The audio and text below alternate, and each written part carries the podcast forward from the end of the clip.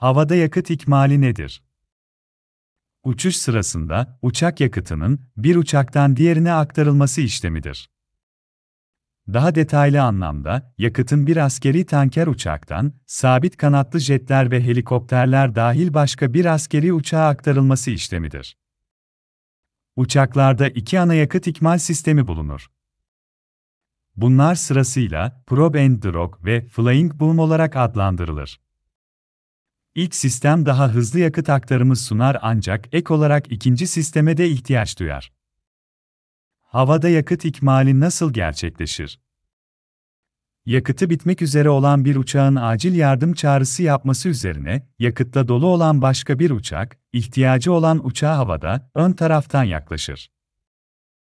Yakıt ikmali yapılacak olan uçak, ikmali yapacak olanın arkasına geçer ve böylece öndeki uçaktan bir yakıt pompası arkadaki uçağa iletilir.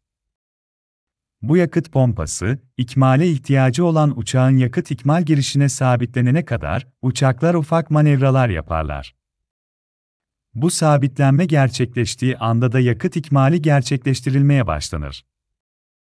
Bu operasyon hava ikmal operatörü tarafından gerçekleştirilmektedir.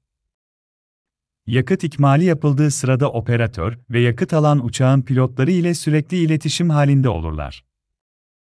Havadan yakıt ikmalinin amacı, bir uçağın havada kalabileceği menzili veya süreyi uzatmaktır. Havada yakıt ikmali ayrıca, uçağın yakıt ikmali için inmesi gerekmediğinden zaman kazandırır.